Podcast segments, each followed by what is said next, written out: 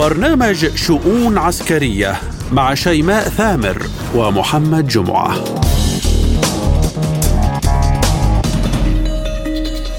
ملفات وشؤون عسكرية جديدة من وكالة سبوتنيك الإخبارية بموسكو. نقدمها لكم أنا شيماء ثامر. وأنا محمد جمعة. نستهلها بالعناوين. روسيا تدعو لاتفاق على منطقة أمنية حول زبروجيا ودواعش يتوجهون من إدلب لأوكرانيا للقتال. انطلاق المرحلة الثامنة من الإرادة الصلبة ضد داعش في الموصل بالعراق.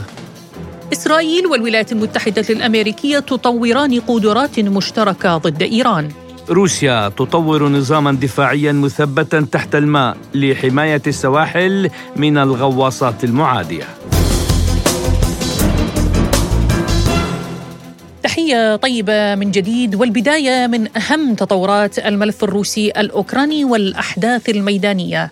صرح نائب وزير الخارجية الروسي سيرجي فيتشين بأنه من الضروري الاتفاق على إنشاء منطقة أمنية حول محطة زبروجيا للطاقة النووية وبأسرع ما يمكن. وتابع المسؤول الروسي أن موسكو على اتصال مع الوكالة الدولية للطاقة الذرية وتحديدا مع أمانة الوكالة. وشخصيا مع المدير العام.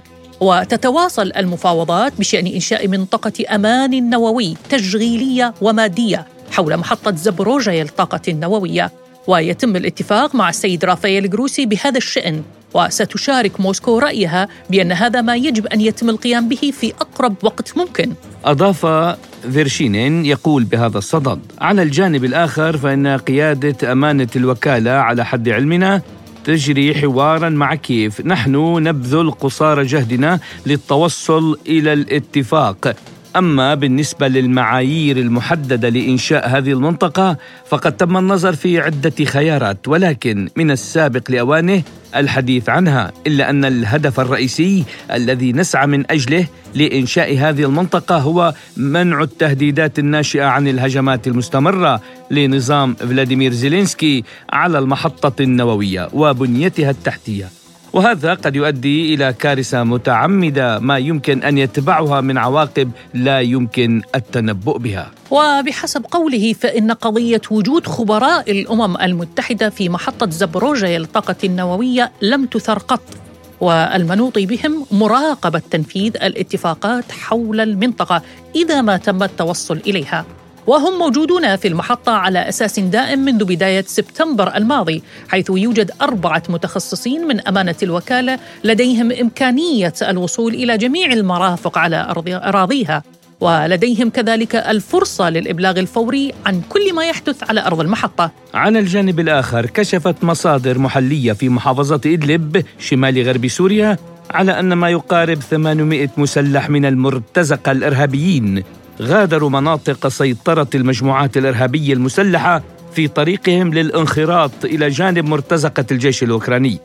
تمت عمليات تسفير المسلحين المرتزقة عبر دفعات وبالتنسيق المباشر مع فصيل هيئة تحرير الشام الذي يعتبر الواجهة الحالية لتنظيم جبهة النصرة الإرهابي والذي يسيطر على منطقة شمال غرب سوريا المحاذية للحدود التركية. طبعا المصادر كشفت عن أن معظم المسلحين الثمانمائة هم من حملة الجنسية السورية ينتمون إلى فصائل فيلق الشام والجبهة الوطنية للتحرير والفيلق الثالث وكلها تنظيمات محظورة في روسيا.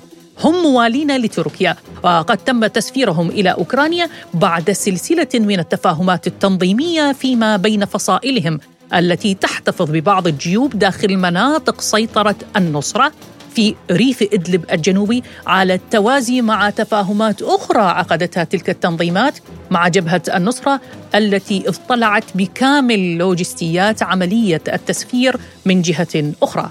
وتنحصر عمليات التعاقد والترويج ولأسباب غير واضحة طبعا في أيدي النصرة وقد قدم التنظيم الإرهابي للمرتزقة المتعاقدين مغريات مادية كبيرة وصلت إلى خمسة آلاف دولار أمريكي شهريا لقاء أخلاء مواقعهم في سهل الغاب بريف حماه الشمالي الغربي. وبعض أجزاء جسر الشغور في ريف إدلب والتوجه إلى جبهات أوكرانيا.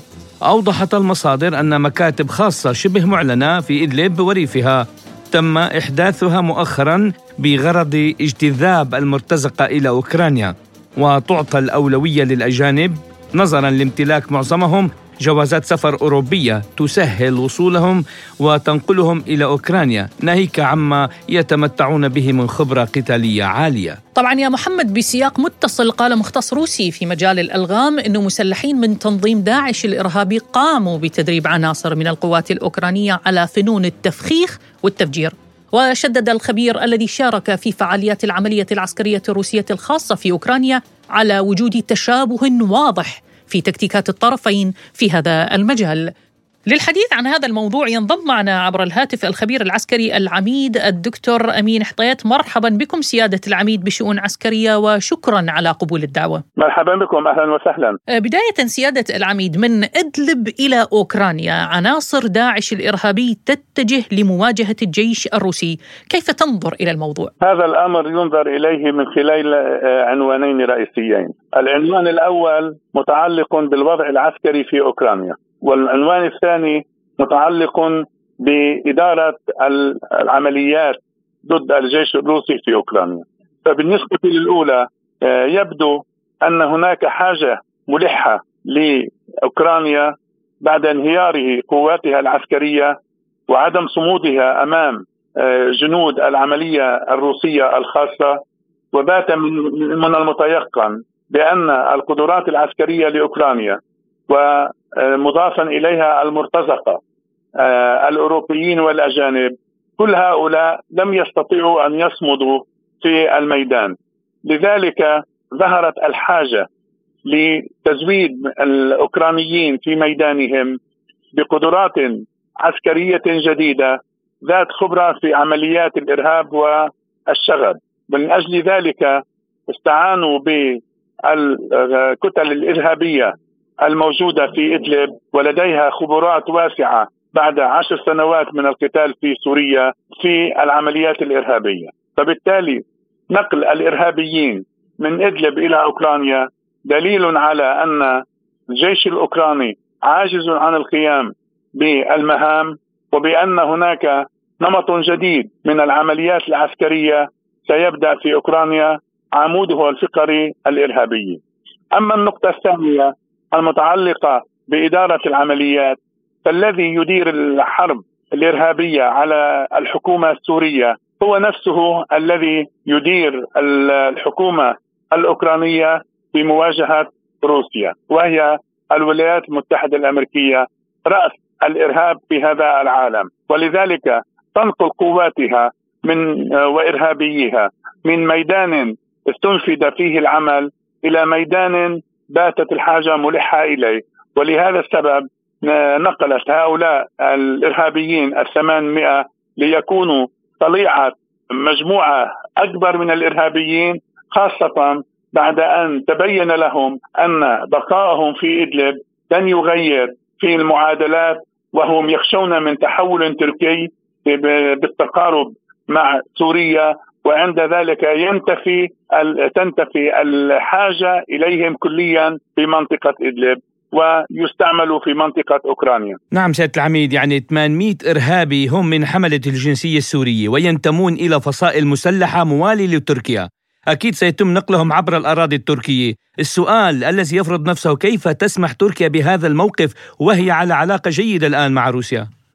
تركيا كما يعلم الجميع تناور على عدة أوجه وتلعب على عدة حبال وهي من جهة تتقرب من من آه، روسيا تستفيد من الإمكانات والقدرات الروسية في أكثر من مجال تسليحي أو اقتصادي آه، خاصة في ما حصل مؤخرا بمسألة تصدير الغاز والحبوب فبالتالي هي تستفيد من جهة تبقى وفية بين قوسين لالتزاماتها الأطلسية وخاضعة للتوجيهات الأمريكية.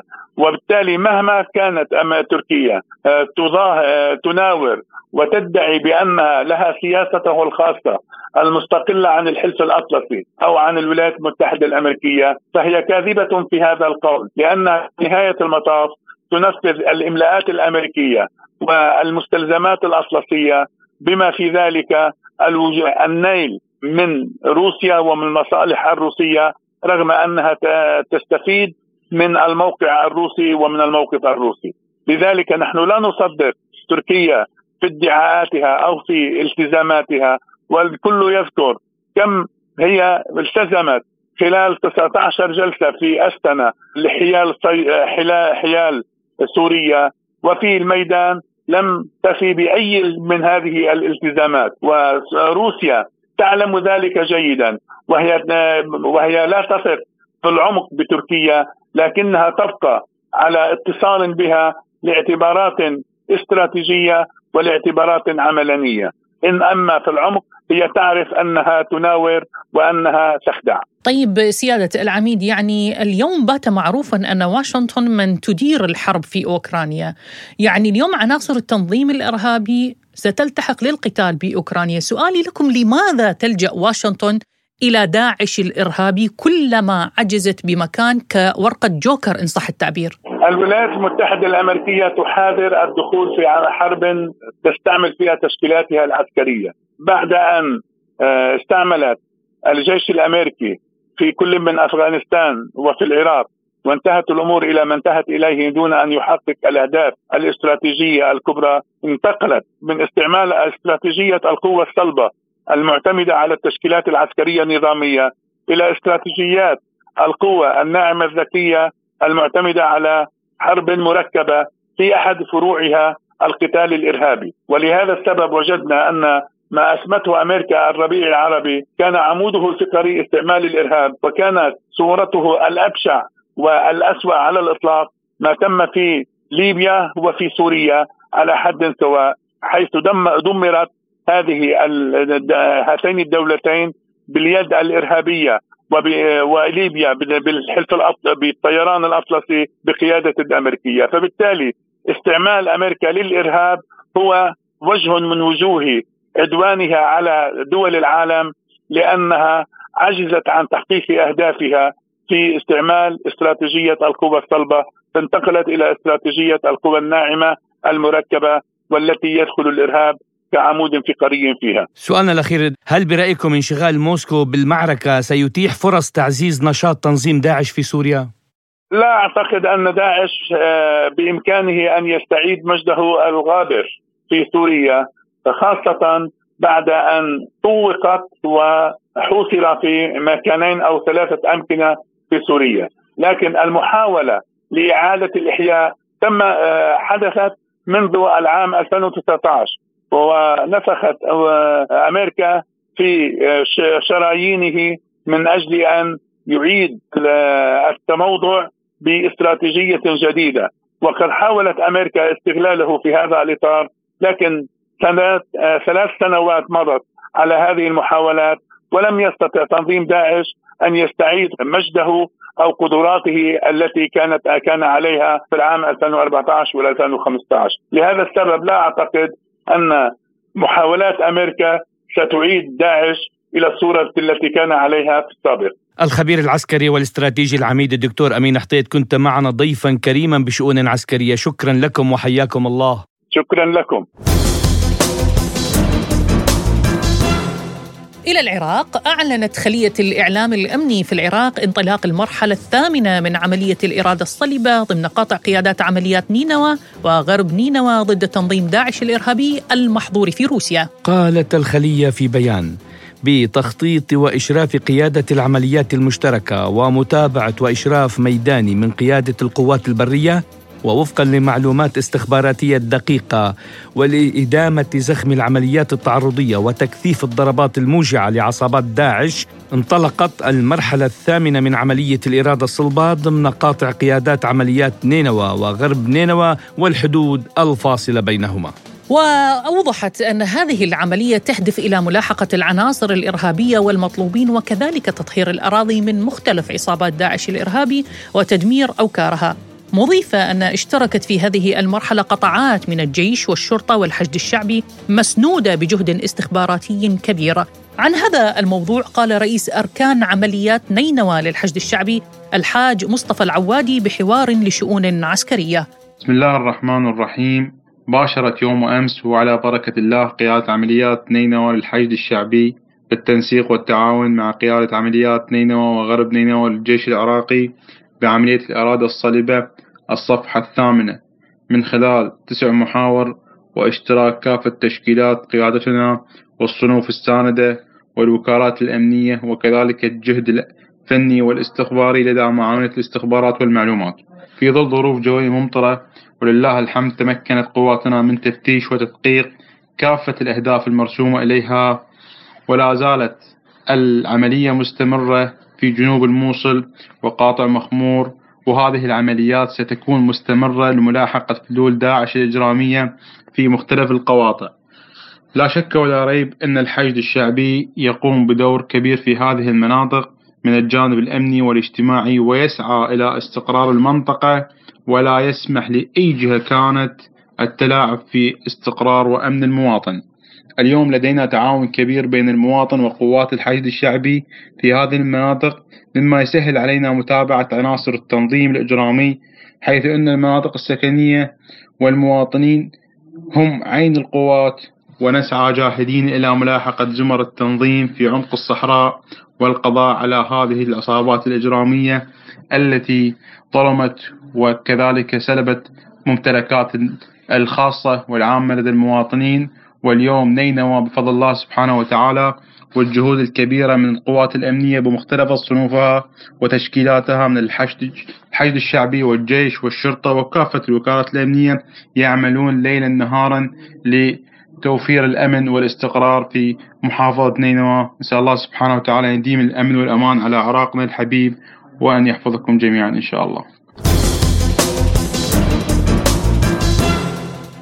قال رئيس هيئة الأركان الإسرائيلية أفيف كوخافي أن إسرائيل والولايات المتحدة تطوران قدرات عسكرية مشتركة بشكل متسارع ضد التهديدات الناشئة في الشرق الأوسط وبشكل خاص ضد إيران. وحسب الجيش الإسرائيلي بدأت زيارة الجنرال كوريلا بجولة في موقع رأس الناقورة على الحدود الشمالية مع لبنان برفقة قائد المنطقة الشمالية في الجيش الإسرائيلي الميجر جنرال أوري جوردن الذي استعرض تحديات الجبهة اللبنانية وتصرفات حزب الله والأهمية الاستراتيجية الكامنة في الحفاظ على الأمن على الحدود البحرية الإسرائيلية اللبنانية. ومن هناك قام بجولة على طول الخط الأزرق وزيارة الموقع المطل على الحدود مع سوريا حيث استعرض قائد المنطقة الشمالية الجهود المبذولة لمنع تموضع أذرع إيران على الأراضي السورية وتجنيد السكان المحليين لتنفيذ عمليات عدائية. ليبقى السؤال إلى ماذا تسعى تل أبيب وما واشنطن وما هي الغايات من كل ذلك؟ للحديث عن هذا الموضوع ينضم معنا عبر الهاتف الخبير بالشأن العسكري اللواء سمير فرج. سيادة اللواء مرحبا بكم بشؤون عسكرية وشكرا على قبول الدعوة. أهلا بحضرتك وكل السادة المستمعين. بداية سيادة اللواء كوخافي وقلق بالشرق الأوسط تشعر به تل أبيب وتحاول تطوير قدراتها العسكرية مع الولايات المتحدة كيف تنظر إلى ذلك؟ آه نقول إن تل أبيب النهارده بترى إن الخطر الداهم والأكبر بالنسبة لاستقرارها واستقرار المنطقة هو إيران وبالذات نقول الاتجاه النووي في إيران خاصة الفترة اللي فاتت إن حتى الآن لم يتم توقيع الاتفاقية النووية بين إيران والأم والولايات المتحدة التي آه، تم تفعيلها 2015 وقام ترامب بإيقافها فلحد النهارده لم توقع هذه الاتفاقية. الحاجة الثانية إن إيران رفضت السماح لوكالة الطاقة الذرية إنها تقوم بالتفتيش على ثلاث مناطق داخل إيران وجد فيهم اشعاع نووي والعالم يريد أن يعرف لماذا هذا الاشعاع وبالتالي النهارده إيران تمثل تهديد مباشر للأمن القومي الإسرائيلي ودي إسرائيل كانت واضحة فيها. وبالتالي هي تريد أن تؤمن نفسها خاصة في أيام آه، الرئيس أوباما حاولت إيران آه، حاولت إسرائيل إنها تقوم بضربة آه، جوية ضد المفاعلات النووية في إيران ولكن أمريكا رفضت. فمن هذا المنطلق النهارده إسرائيل بتتوجد. إذا لم يتم توفير توقيع هذه الاتفاقية النووية بين إيران وبين الولايات المتحدة الأمريكية فماذا سيكون العمل في المستقبل؟ ولذلك إيران النهارده بتح...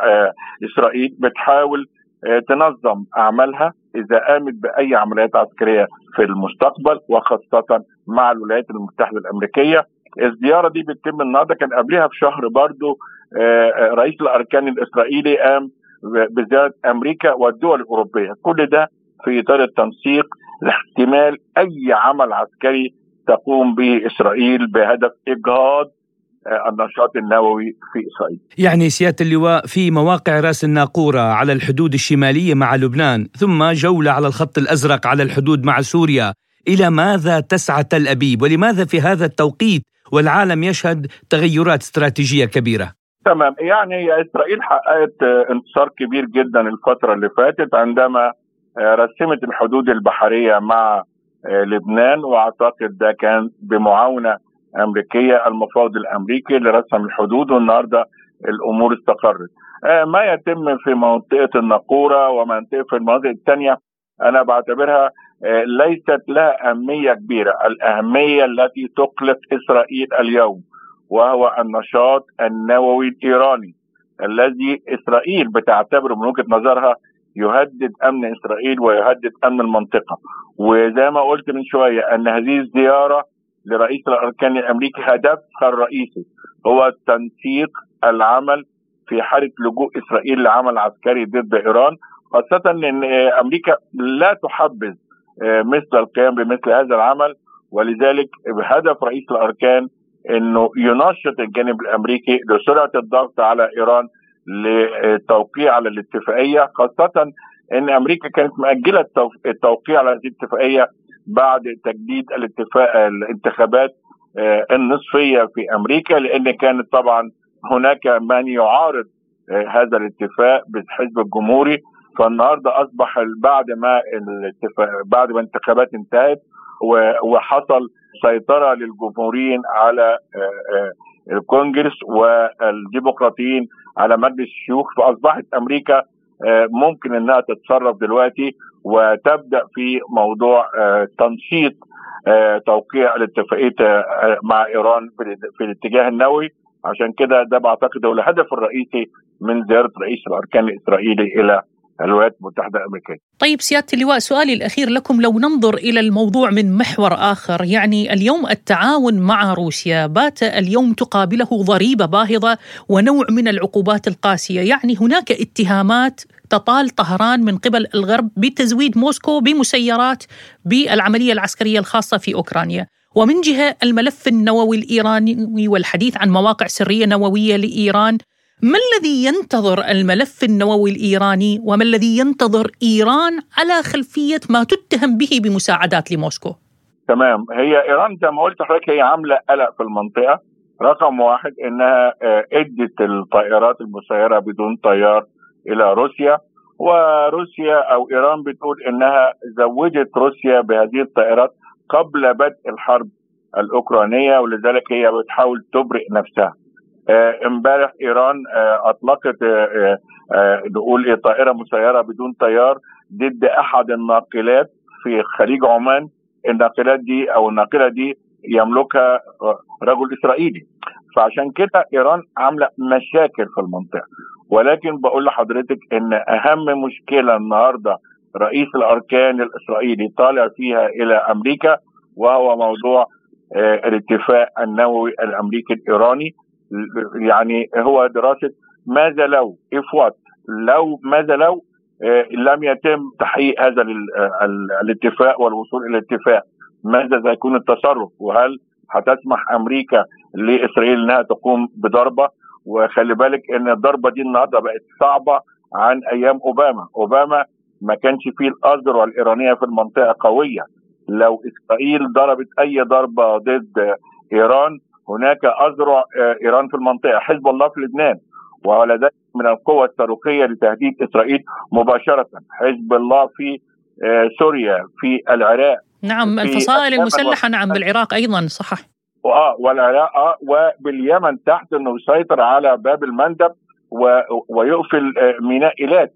فالنهاردة الموقف صعب بالنسبة لإسرائيل بعكس ما كان من عدة سنوات. عشان كده الزيارة دي مهمة جدا لإسرائيل لتحديد ماذا سيتم في الفترة القادمة وبالذات ضد إيران. الخبير العسكري اللواء سمير فرج كنت معنا ضيفا كريما بشؤون عسكرية. شكرا لكم وحياكم الله. شكرا يا فندم. الختام كالمعتاد مستمعينا بالتقنية العسكرية. طبعا تمثل الغواصات سلاحا خطير يمكنه تنفيذ هجمات مدمرة. أثناء وجودها تحت الماء من مواقع يصعب اكتشافها. ويحكى الآن يا محمد في المنابر العسكرية عن نظام دفاعي مثبت تحت الماء لحماية السواحل من الغواصات المعادية. ماذا لديك حول هذا الموضوع يا محمد؟ لدي الكثير يا شيماء ولا سيما أن روسيا لديها الإبداعات الكثيرة إبداع تلو إبداع وخصوصا في المجال العسكري التسليحي. يعني تزداد خطورة الغواصات المعادية إذا تمكنت من الوصول إلى المياه الإقليمية والعمل في المياه القريبة من الشاطئ بصورة تجعلها قادرة على رصد المواقع الساحلية ومهاجمتها أو حتى استهداف مواقع برية بالقرب من الشاطئ. وفقا لطبيعة المهمة المكلفة بها ولهذا السبب طورت روسيا نظام الرصد الكهرومغناطيسي الثابت باسم قمر. الذي تكون مهمته رصد الغواصات التي تقترب من الشاطئ وتعقبها تمهيدا لتدميرها حسب ما يقول موقع روس أبارون إكسبورت الروسي طبعا حسب ما فهمت يا محمد أن الغرض من الموضوع هو مكافحة غواصات العدو بالقرب من الشاطئ إذا تم تصميم هذا النظام للسيطرة على الحدود التي يتم رسمها وفقا للخطة الدفاعية الخاصة بمكافحة غواصات العدو بالقرب من الشاطئ أم كيف يحدث هذا؟ وماذا عن المواصفات الفنية لنظام رصد الغواصات الذي أطلق عليه تسمية قمر؟ نعم مواصفات كثيرة ومعقدة. يستطيع أن أنقل لك بعضها. يعني طول خط الرصد يمكن أن يصل إلى 100 كيلومتر. مدى الرصد يصل إلى 100 كيلومتر في المياه المجاورة للشاطئ. عمق الرصد من 30 إلى 400 كيلومتر. يتكون نظام الرصد قمر من مكونات يتم التحكم فيها عن بعد. وذلك بعد وضعها طبعا تحت سطح الماء. إضافة إلى كابل استشعار يتم وضعه تحت الماء أيضا حيث يقوم برصد أي هدف بحري يتخطاه ويحدد الاتجاه وتفاصيل الهدف ويقوم بإرسالها مباشرة إلى وحدة التحكم على الشاطئ. التي تقوم بدورها برصد الهدف المعادي وتدميره. إذا روسيا مرة أخرى تثير الاهتمام وتصدم العالم مرة أخرى بتطورها وتقنيتها وتكتيكها العسكري. يعني اليوم قمر وغدا لا نعرف ماذا قد تنتج التقنية الروسية. ما أجمل أن تجتمع القوة مع الحق يا شيماء؟ نعم خاصة أن روسيا الآن هي بالعملية العسكرية الروسية الخاصة ومع ذلك تنتج يعني تبدع في تقنيتها العسكرية. نعم. إلى هنا نصل وإياكم مستمعين الكرام طبعا بالختام بقضية قمر. نختم حلقتنا اليوم بشؤون عسكرية رافقناكم بها من وراء الميكروفون محدثتكم شيماء ثامر. وأنا محمد جمعة. شكرنا موصول لضيوفنا الكرام بهذه الحلقة. الخبير العسكري اللواء سمير فرج. والخبير العسكري والاستراتيجي العميد الدكتور أمين حطيط. ورئيس أركان عمليات نينوى للحشد الشعبي مصطفى العوادي. للمزيد مستمعينا الكرام يمكنكم دائما زيارة موقعنا الإلكتروني. سبوتنيك dot AE. لا تنسون أن تكونون بأمان الله وحفظه دائما. إلى اللقاء.